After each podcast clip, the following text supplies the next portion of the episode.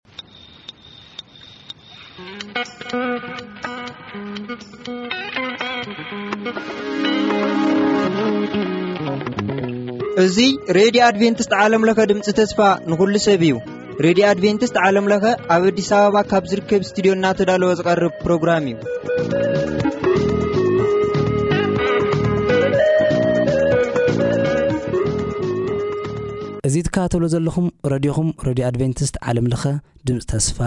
ንኹሉ ሰብ እዩ። ሕዚ እቲ ናይ ሕይወትና ቀንዲ ቁልፊ ዝኾነ ናይ እግዚኣብሔር ቃል ምዃኑ ኩላትኩም ኣይትዘንግዕዎን። እስቲ ብሓባር እነዳምጽ።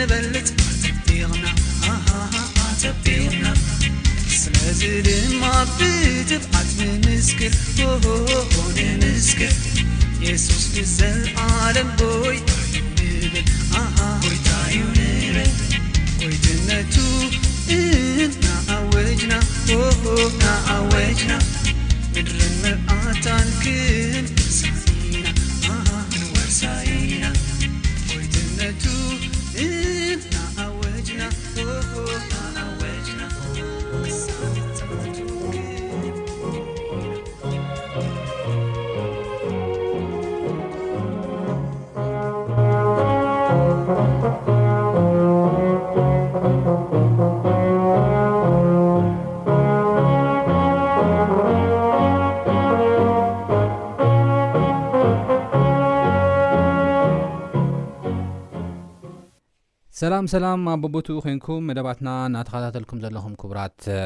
ሰማዕትና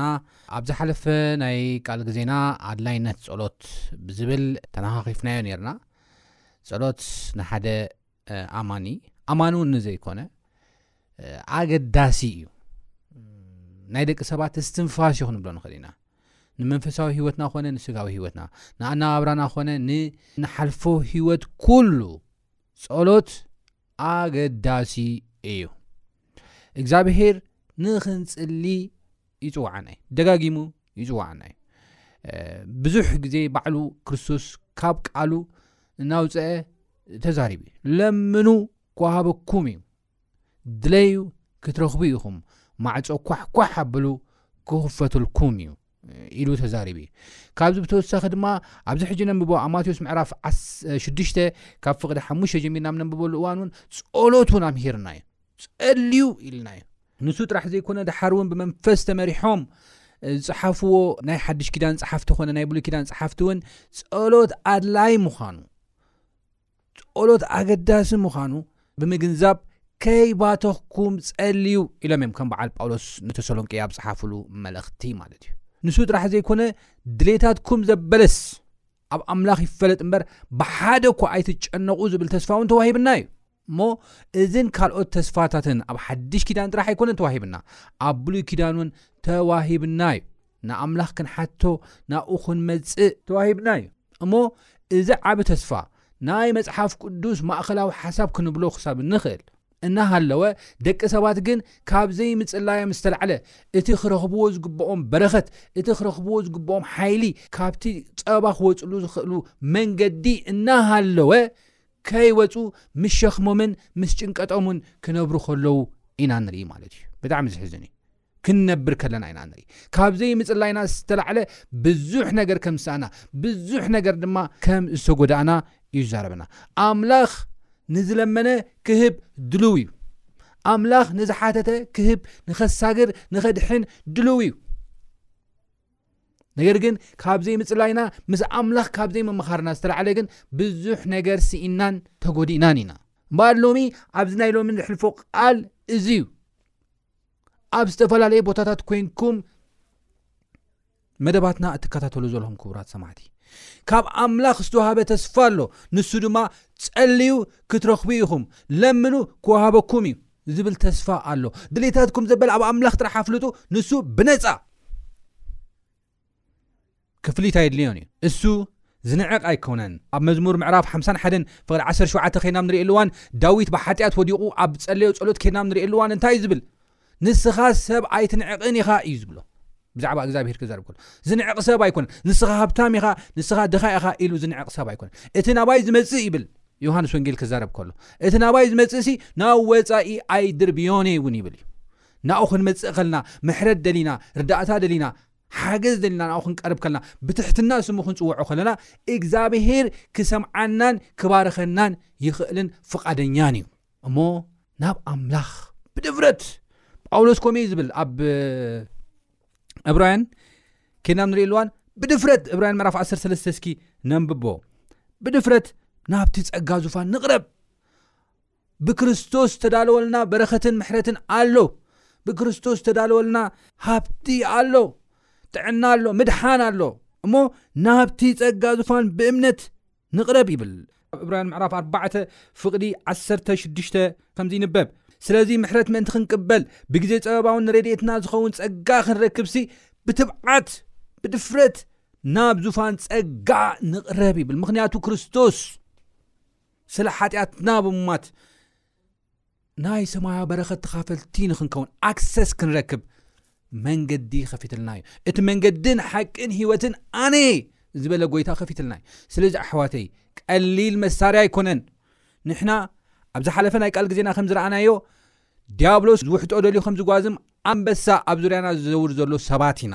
ንሕና ምስ ድያብሎስ ምስ ክፉኣት መናፍስቲ እንዋጋእ ዘለና ሰባት ኢና። ርህሩህ ዘይኮነ ጨካን ዝኾነ ድያብሎስ ንዓና ክውሕጠና ደልዩ ለይትን መዓልትን ውዲት እናፈሓሰ ዝስርሓልና ዘሎ ሰባት ኢና። ነገር ግን ካብዚ ውዲት እዚ ፈንፂሕና ክንወፅእ ንኽእል ናይ እግዚኣብሄር በረኸትን ምድሓን እውን ክንረክብ እንኽእል ክንፅልን ኣብ ቅድሚ እግዚኣብሄር ብትሕትና ክንቀርብን ከለና እዩ ኣብ ካልኣይ ዜና መዋል ምዕራፍ 7 ፍቅዲ 14 ዘሎ ሓሳብ ከንብበልኩም ይደሊ ካልኣይ ዜና ምዕራፍ 7 ፍቅዲ 14 ከምዚ ይንበብ እዚ ብስመይ ተዘመ ህዝበይ ከዓ ትሕት እንተበለ ይብል እዚ ብስመይ ተሰመ ህዝበይ ከዓ ትሕት እንተበለ እንተለመነ ይብል እንተለመነ ገጸይ እውን እንተደለየ ካብ ክፉእ መንገዲ እውን እንተ ተመልሰ፣ ሽዑ ኣነ ኻብ ሰማይ ክሰምዖ እየ፣ ሓጢኣቶም ይቕረ ኽብለሎም እየ፣ ምድሮም እውን ክፍውሰሎም እየ ይብል። ጸሎት፣ ልመና፣ ኣብ ቅድሚ እግዚኣብሔር ምቕራብ፣ ኣብ ቅድሚ እግዚኣብሔር ብትሕትና ምቕራብ፣ ምሕረት ካብ እግዚኣብሔር፣ ምድሓን ካብ እግዚኣብሔር ክመጸልና ይኽእል እዩ። እሞ እዚ ዘይከሓድ ሓቂ እዩ መጽሓፍ ቅዱስ ውን ደጊሙ ደጋጊሙ ኣብ ክልቲኡ ኣብ ብሉይ ኮነ ኣብ ሓድሽ ኪዳን እተጻሕፈ ቃል ምዃኑ ዝነግረና እዩ ማለት እዩ እሞ ኣሕዋተይ ሎሚ ንጅምሮ ሓሳብ ብዛዕባ ጸሎት እዩ ማለት እዩ ክርስቶስ ጸልዩ ጥራሕ ኣይኮነን ከምዚ ኢልኩም እውን ጸልዩ ኢሉ ጸሎት ኣምሂርና እሞ እቲ ኢየሱስ ክርስቶስ ዘምሃሮ ጸሎት እንታይ እዩ ኣብ ህይወትና ዘምጽኦ ለውጢኸ እንታይ እዩ ዝብል ሓሳብ ኢና ሎሚ ክንጅምሮ ማለት እዩ እሞ ናብ ማቴዎስ ምዕራፍ ሽዱሽተ ፍቕዲ ሓሙሽተ ዘሎ ሓሳብ ክምለስ እምበኣር፣ ቅድሚ እቲ ጸሎት ምምሃሩ ኢየሱስ ክርስቶስ ዝተዛረቦ ነገራት ወስንቲ ዝኾነ ቃላት ኣለዉ እሞ ንሶም ክርእዮም ይደሊ። እቲ ቀዳማይ፣ ንስኻትኩም ክትጽልዩ ከለኹም እቶም ግቡዛት ብሰብ ምእንቲ ክረኣዩ ኣብ ኣባይቲ ጸሎትን ኣብ ቀራናት መንገድን ደው ኢሎም ክጽልዩ ይፈትዉ እዮምሞ ከማታቶም ኣይትኹኑ ይብል። ጸሎት ሰብ ክርእየካ ኢልካ እትገብሮ ድራማ ኣይኮነን። ጸሎት ሰብ ዋው ከመይ ዓይነት ጸላዩ እዩ ከመይ ዓይነት ግሩም ሰብ እዩ ክብለካ ኢልካ ትገብሮ ኣይኮነን እዩ ዝብል ዘሎ ኣብዚ መጀመርያ ብሰብ ክትረአ ቃላት እናመረጽካ ከተስምዕ እዚ ጸሎት ኣይኮነን እዩ ዝብሎ ዘሎ ካብዚ ሓሳብ እዚ ውፁ ከምዚ ዓይነት ዝመስሎም ሰባት ኣለዉ ንሶም ድማ ፈሪሳውያን ዝበሃሉ ግቡዛት ሰባት ኣለዉ ኣክት ዝገብሩ ካብ ልቦም ምስ እግዚኣብሔር እኮ ይራኸቡን እዮም ግን ኣክት ዝገብሩ ጸሎት ንዕኦም እንታይ እዩ በቃ ብሰብ ክድነቑ ምዃን እዩ ሰብ ከጠቕዓሎም ሰብ ክፍተው ው ከመይ ዓይነት ጸላይ ሰብ እዩ ክብሎም እዮም እዮም ዝደልዩ ማለት እዩ ነገር ግን ከም ጉቡዛት ኣይትኾኑ ጸሎት እዙይ ይኮነን ሰብ ክርእካን ሰብ ከድንቐካን ሰብ ድማ ዋው ክብለካን ኣይኮነን ጸሎት ስለዚ ከምኦም ኣይትኾኑ ጸሎት ካሊእ እዩ እዩ ዝብሎም ዘሎ ጸሎት እንታይ እዩ ክንብል ከና ጸሎት እዚ ይኮን ንሱ ጥራሕ ግን ኣይኮነ የሱስ ክርስቶስ ዘጠንቅቀና ዘሎ ክትራእየልኩም ገሌልኩም ኣይትግብር ጸሎት ንሱ ይኮነን እዩ ዝብሎም ዘሎ ካልኣይ ዘጠንቅቆም ከዓ ኣሎ ንስኻስ ይብል ድሓር ብግሊ እዩ ዝጅምር መጀመርያ ሕጂ ከምቶ ግንቡዛት ኣይትኹኑ ኢልና ብኣጠቓላሊ። ደሓር ከኣ ቁጽሪ ሽዱሽተ ቀጺልና ክንርኢ ከለና እንታይ ይብለና ንስኻስ ክትጽሊ ከሎኻ ናብ ቤትካ ኣቱ ሕጂ ናብ ግሊ እዩ ናብ ሕድሕድ ሰብ እዩ መጽዩ ንስኻ ንስኹም ኣይበል ንስኻ ክትጽሊ ከሎኻ ናብ ቤትካ እቶ ማዕጾኻ ዕጾ ነቲ ብሕቡእ ዘሎ ኣቦኻ ለምኖ እቲ ብሕቡእ ዝርእ ኣቦኻ ድማ ብግህዶ ክክሕሰካ እዩ ስለዚ ጸሎት ብግሊ ምስ ኣምላኽ እትዘራረበሉ ከይዲ እዩ እዩ እምበር ብሕብረት ኣክተ ክትገብር ሰብ ከድንቑኻ ምግባር ትያትር ምስራሕ ኣይኮነን ስለዚ ብግሊ ምስ እግዚኣብሄር ትራኽብሉ ስለ ዝኾነ እንታይ ግበር ናብ ገዛኻ እቶ ማዕፅኻ ዕፆ ኣብ ስውር ዘሎ ኣቦኻ እቲ ናይ ልብኻ ነገር ንገሮ እቲ ዘድልየካ ነገር ንገሮ ኣኽብሮ ብምስጋና እዩ ዝብል ዘሎ ጸሎት እዚ እዩ ዝጅምር ክጅምር ከሎ ማለት እዩ ናብ ገዛኻ ብምእታው ብሓቂ ብልቢ ምስ ኣምላኽ ድማ ብምርኻብ እዩ ዝጅምር ብምዝርራብ እዩ ዝጅምር ጸሎት ቀፂሉ ከዓ ሳልሰይቲ ሓንቲ ነጥብላ ዝጠቕሳ እሞ ድሓር ናኡ ናብቲ ንፀሎት ዘምሃርና ነገር ክንኣቱ ኢና ምክንያቱ ቅድሚ ፀሎት ምግባርና ክንፈልጦም ዝግባኣና ነጥብታት ስለ ዝኾኑ እዮም የሱስ ክርስቶስ እዚ ኣቐሚጥልና ዘሎ እታ ሳልሰይቲ ከዓ ዘቐምጥልና ነገር እንታይ እያ ክንብል ከልና ቁፅሪ ሸውዓተ ክትፅልዩ ከለኹም ከዓ ናብ ገዛኹም ኣትኹም ዓፂኹም ብስውር ምስ እግዚኣብሄር ክትዘራረቡ ከለኹም ናይ ልብኹም ንእግዚኣብሄር ክትዘረብዎ ከለኹም እግዚኣብሄር ከዓ ድምፁ ከስማዓኩም ከሎ ክትጽልዩ ከለኹም ኣህዛብ ብምብዛሕ ዘረብኦም ዝስምዑ ይመስሎም እዩ እሞ ከማታቶም ዘረባ ኣይተብዝሑ ቨይን ሬፕቴሽንስ ይበሃል እዚ ብእንግሊሽ ከንቱ ዝኾነ ዘረባ ኣይተብዝሑ ዘረባ ብምብዛሕ ኣይኮነ ሕጂ ሓደሓደ ጸሎት እንታይ ዝመስሎም ኣሎ በቃ ከይባተኽካ ጸልይ ስለ ዝብል ደጋጊምካ ደጋጊምካ ቃል መባል ዝመስሎም ኣሎ ንኣብነት ኣብ መጽሓፍ ቅዱስ እውን ተጠቕሰልና ነገራት ኣሎ ኣብ ቀዳማይ ነገስ ምዕራፍ 18 ሓደ ዓብዪ ፍፃሜ ኢና ንርኢ እዚ ዓብ ፍፃሜ ኣብ መንጎ ኤልያስን ኣብ መንጎቶም ንብኤል ዘምልኹ ዝነበሩ ሰባትን ኢና ንርኢ ኣብ መንጎ እዚኦም ዝነበረ ክርክር ኬና ብ ንሪእሉ እዋን ንስኻትኩም ብዙሓት ኢኹም 450 ኢኹም ኣነ ግን በይነ እየ ስለዚ መን ኣምላኽ ምዃኑ ይፈለጥ ብኤል ኣምላኽ ተኮይኑ ንዑ ክንክተል እግዚኣብሄር እቲ ሰማይን ምድርን ዝፈጠረ ኣምላኽ ተኮይኑ ከዓ ንሱ ገዛእ ተኮይኑ ህያው ተኾይኑ ንሱ ተተፈሊጡ ከኣ ንዑ ንከተል ብዝብል ስምምዕነት መስዋእቲ ኣቕሪቦም ድሓር ንስኻትኩም ጀምሩ ምስ በሎም ንሶም ጀሚሮም ዝበልዎ ነገር ኢና ከነንብብ ማለት እዩ ኣብ ቁፅሪ 26 ድሓር እንታይ ይብል እታ ዘለኹ ሓሳብ ቁፅሪ 26 እያ ከምዚ ይንበብ ንሳቶም ድማ ነቲ ዝሃብዎ ዘራብዕ ወሰዱ ኣሰናድዮም ከዓ ዎ በዓል ምላሽ ሃበና ወበዓል ምላሽ ሃበን በዓል ማለት ኣብቲ ግዜ እቲ ዘኽብርዎ ዝነበሩ ጣኦት እዩ ብኤል ዙቤል እዩ ሽሙ ነይሩ ኣንፎርነትሊ ሎሚ እቲ ብትግርኛ ንብሎ ቃላት በዓላት ንብሎ ወይ ድማ ሓደ በዓል ኢልና ንፅውዖ ንሓደ ሓደ ኦኬዥናት ንሓደ ሓደ ፍፃሜታት ምናልባት ክኸውን ይኽእል መንፈሳዊ ከምኡውን ሃገራዊ ዝኾኑ ነገራት ክኸውን ይኽእል በዓል ንብሎም ግን በዓል ዝብል ቃል ብፍላይ ናብቲ ናይ እብራይስጥን ናይ ኣረማይክን ቃል ኬድና ኣብ ንርእየሉ እዋን በዓል ዝብል ጣዖት እዩ ነይሩ ብዔል ዙቤል ዝበሃል ጣዖት ከም ዝነበረ ግን ይነግረና እዩ መፅሓፍ ቅዱስ ማለት እዩ ስለዚ እዞም 450 ነቲ ዝኣምንሉ ጣዖት እዮም ዝልምኑ ነይሮም እንታይ እናብሉ እዮም ዝልምኑ ነይሮም ኣብ ቁፅሪ 26 ንሳቶም ድማ ነቲ ዝሃብዎ ዝራብዕ ወሰዱ ሰዊኦምሉ እዮም። ኣሳናድዮም ከኣ ዎበዓል ምላሽ ሃበና እናበሉ ካብ ጊሓት ጀሚሮም ክሳዕ ፍርቂ መዓልቲ ብስም በዓል ተማህለሉ። ግና ድምጺ ኣይነበረን፣ ዝምልስ እውን ኣይነበረን። ነቲ ዝሰርሕዎ መሰውኢ ድማ እናሰረሩ የዙርዎ ነበሩ ይብለና። ደሓር ኤልያስ ቁፅሪ ዕስራን ሸውዓተን ከይድና ንርእየሉ እዋን ፍርቂ መዓልቲ ምስ ኮነ ኸኣ ኤልያስ ንሱ ኣምላኽ እዩ እሞ ይሓስብ ከይህሉ ወይስ ኣግሊሱ ወይ ገሹ ከይከውን ምናልባሽ ከኣ ደቂሱ ከይህሉ ምእንቲ ክበራበርስ ዓው ኢልኩም ደኣ ጨድሩ ኢሉ ላገጸሎም ይብለና ዓው ኢሎም ድማ ጨደሩ ከምቲ ስርዓቶም ከኣ ኣብ ልዕሊኦም ደም ክሳዕ ዝፍስስ ንኣካላቶም ብስያፍን ብኾናትን ተፍተፍዎ ይብለና። ኮነ ድማ ፍርቂ መዓልቲ ምስ ሓለፈ ክሳዕ እታ መስዋእቲ ብልዒ ዝስዋኣላ ግዜ ይንበዩ ነበሩ፣ ግናኸ ድምጺ ኣይነበረን፣ ዝምልስ እውን ኣይነበረን፣ ዘቕልብ እውን ኣይነበረን፣ ምኽንያቱ ጣዖት ኣይሰምዕን እዩ፣ እዝኒ ኣለዎ ኣይሰምዕን እዩ፣ ዓይኒ ኣለዎ ኣይርኢን እዩ፣ ኢድ ኣለዎ ኣይሰርሕን እዩ፣ እግሪ ኣለዎ ኣይከይድን እዩ። ጣዖት እዚ ኣብ መጽሓፍ ቅዱስ ዝተገለጸልና ነገር እዩ። ስለዚ ኣብዚኦም ግን ክወስዶ ዘለኹ ቃል ይጭድሩ ነበሩ፣ ምላሽ ሃበና፣ ምላሽ ሃበና፣ ምላሽ ሃበና፣ ምላሽ ድግምግምግምግም ዝበለ ቃላት ቨይን ረፒተሽንስ፣ ከንቱ ዝኾነ ድግግም ቃላት። ካልኣይ ኣብነት ክህበኩም፣ ኣብ ግብረ ሐዋርያት ምዕራፍ ዓሰርተ ትሽዓተ ተመሳሳሊ ኣብ ኤፌሶን ዝነበረ ጣኦት ውን ተመሳሳሊ ሓሳብ ኢና ንርኢ። ኣብ ግብረ ሐዋርያት ምዕራፍ ዓሰርተ ትሽዓተ ፍቕዲ ሰላሳን ኣርባዕተን። ከምዚ ይንበብ፣ ቀዲሙ ኣብ ዕስራን ሓደን ጀሚርና ኣብ ነንብበሉ እዋን ውን ከምኡ ኢሎም ይደግሙ ነይሮም እዮም፣ ደሓር ኣብ ሰለሳን ኣርባዕተን ውን ውርድ ኢለ ከንብቦ እየ። እዚ ነገር እዚ ምስ ተወድአ፣ ጳውሎስን ብመቄዶንያ ብኣከያ ሓሊፉ ናብ የሩሳሌም ክኸይድ ብመንፈስ ሓሰበ እሞ፣ ኣብኣ ምስ በጻሕኩ፣ ንሮሜ ድማ ክርእያ የድልየኒ እዩ በለ። ክልተ ኻብቶም ደገፍቱ፣ ጢሞቴዎስን ኤርታሱን ናብ መቄዶንያ ሰደዶም፣ ንሱ ኸኣ ኣብ ኤስያ ሓያሎ ወርሓት ጸንሔ። በቲ ቕንእቲ ብዛዕባ እዚ መንደር እዚ ዕግርግር ኰነ። ድሜጥሮስ ዚብሃል ሓደ ንኣርጤሜስ ዚኸውን መቕደስ ብሩር ዚሰርሕ ኣንጥረኛ፣ ነቶም ኣንጥረኛታት ብዙሕ ይረብሖም ነበረ።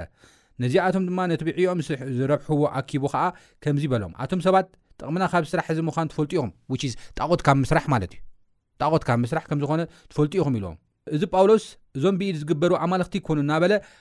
ኣብ ኤፌሶን ጥራይ ዘይኰነስ ዳርጋ ኣብ ኵላ ኤስያ ንብዙሓት ሰባት ከም ዘስደዔን ከም ዝዓለወን ትርእዩ ትሰምዑን ኣለኹም ኢልዎም። ብጣዕሚ ዝገርም እዩ። እታ ኵላ ኤስያ ብዘላ ዓለም ዘምልኻ ዓባይ ኣርጤሜስ መቕደሳ ከም ከንቱ ከይቍጸር ክብረታ እውን ከይስዓር እምበኣር ስራሕና ከይነዓቕ ጥራሕ ኣይኰነን ዘፍርሃና ዘሎ። እዚ ምስ ሰምዑ ኵራ መልኦም እሞ ዓው ኢሎም ኣርጤሜስ ኣብ ኤፌሶን ዓባይ እያ እናበሉ ጨደሩ ይብለና። ኣርጤሜስ ኣርጤሜስ ኣብ ኤፌሶን ዓባይ እያ ኣርጤሜስ ኣብ ኤፌሶን ዓባይ እያ እናበሉ እናደጋገሙ ምጽላይ ጀመሩ ይብለና ቁፅሪ 34 እውን ንሳ እዩ ዝብሉ ኣይሁዳዊ ምኾኑ ምስ ፈለጡ ከዓ ናይ ሰብ ኤፌሶን ኣርጤሜስ ዓባይ እያ እናበሉ ኩሎም ብሓደ ቃል ኮይኖም ክልተ ሰዓት ዝኣክል ጨደሩ ይብለና ይደጋግሙ ይደጋግሙ እታ ጣዖት ክትሰምዖም ማለት እዩ ጸሎት እዚ ኣይኮነን ምድግጋም ኣይኮነን ዓሰርተ ግዜ ሓደ ቃል ምባል ኣይኮነን ጸሎት ማለት ናይ ልብኻ ንኣምላኽ ምክፋል ምስ ኣምላኽ ምዝርራብ ኣቱም እቲ ጽዕሩን ጾር ዝኸበደኩም ኩላትኩም ናባይ ንዑ ኣነ ክዕርፈኩም እየ ድሌታትኩም ዘበለ ኩሉ ኣብ ኣምላኽ ይፈለጥ ከም ዝብል ቃሉ ድሌታትና ሸኽምና ኣብ ቅድሚ ኣምላኽ ነቕርበሉ ምስጋናና ሒዝና ድማ ንዕኡ ክብሪ እንህበሉ ትሕት ኢልና ድማ እነመስግነሉ ከይዲ እምበር ምድግጋም ኣይኮነን መቁፀሪ ሒዝና እናቆፀርና ሓንቲ ቃል ዓሰርተ ግዜ ምባል ኣይኮነን ፀሎት እዚኣ ዩ ዘጠንቅቆም ዘሎ ቅድሚ ምሃሩ ፀሎት ስለዚ ሰለስተ ነገራት ኣጠንቂቆም ኣሎ ሰለስተ ነገራት ተቀዳማይ ዝበሎም እንታይ እዩ ተይልና ከም ጉቡዛት ኣይትኾኑ ንሰብ ክትረኣዩ ከይትፅሉ ዩ እንዲያም ብግልኹም ፀልዩ ተካሊቲ ከዓ እንታይያ ብግልኹም ፀልዩ ትብል እያ እታ ሳልሰይቲ ከዓ ቃላት ኣይተደጋግሙ ቨይን ሬፑቴሽን ስቂልካ ልብኻ ዘየለ ስኢልካ ጥራሕ መልሓስካ ምድግጋም ምድግጋም ዝመስሎም ሰባት ኣለው ከምኡ ኣይኮነን ጸሎት እዩ ዝብሎም ዘሎ ካብዚ ነገር እዚ ክንወጽእ የብልናን ጸሎት ኣገዳሲ እዩ ክንብል ከለና ምድጋም ኣይኮነን ዓሰርተ ግዜ ምድጋም ምድጋም ምድጋም ምድጋም ኣይኮነን ንሰብ ክትረኣየልካ ትገብሮ ነገር ኣይኮነን ብግልኻ ምስ ኣምላኽ እትኸዶ ወይ ድማ ኣትዛራረቦ ምዝርራብ እዩ ኮሙኒኬሽን እዩ ምስ በልና እምበኣር ናይ ሎሚ ኢየሱስ ክርስቶስ ጸሎት ዘምሃረና ነገር ብሪፍ ወይ ድማ ሓፈሻዊ ዝኾነ ሓሳብ ከንብበልኩም ድሓር ሕድሕድ ሓሳብ እናተንተና ክንርኤ ኢና እንታይ እዩ ዝብል ካብ ቁፅሪ ሸውዓተ ጀሚርና ክጽልዩ ከለኹም ኣህዛብ ምዛሕ ዘረቦም ዝስምዑ ይመስሎም እሞ ከማታቶም ዘረባ ይተብዝሕ ምስ በለ እምበኣርከ ኣቦኹም ከይለመንኩሞ ዘድልየኩም ይፈልጥ እዩ እሞ ኣይትምሰልዎም ይብል እዛ ቅድም ኢለ ዝሃብክዋ ሓሳብ ንኸጠናኽር እዩ የሱስ ክርስቶስ እዚኣ ዝበላ ኣብ ማቴዎስ ምዕራፍ 6 ፍቕዲ 8 ኣይትምሰልዎም ምክንያቱ ንሱ ከይደጋገምኩም ገለ መለታት ከይገበርኩም ይፈልጥ እዩ ስለዚ ንዖም ንግቡዛት ኣይትምሰልዎም ነቶም ዝደጋግሙ እውን ኣይትምሰልዎም ንስኻትኩምሲ ከምዚ ኢልኩም ደኣ ጸልዩ ኣብ ሰማያት ትነብር ኣቦና ስምካ ይቀደስ መንግስትኻ ትምጻእ ፍቓድካ ከምቲ ኣብ ሰማይ ከምኡ ድማ ኣብ ምድሪ ይኹን። ናይ ዕለት እንጌራና ሎሚ ሃበና፣ ንሕና ንዝበደሉና ከም ዝሓደግናሎም፣ በደልና ሕደገልና። ካብ ክፉእ ኣድሕነና እምበር፣ ናብ ፈተና ኣይተእትወና። መንግስትን ሓይልን ክብርን ንዘለኣለም ናትካ እዩ እሞ፣ ኣሜን። ይብል። እዚኣ እዩ ኣምሂሮም። ኣብዚ ሓሳብ እዚ ክንሪኦ ከለና ውሑዳት ጥቕሲ እየን፣ ካብ ፍቕዲ ትሽዓተ ክሳብ ዓሰርተ ስሳ ኣርባዕተ ጥቕስታት እየን፣ ግን ኣብዘን ኣርባዕተ ጥቕስታት ኣዝዩ ብዙሕ ዝኾነ ትምህርትን ኣዝዩ ብዙሕ ዝኾነ መምርሒን እዩ ሂብና ዘሎ ማለት እዩ። እንታይ እዩ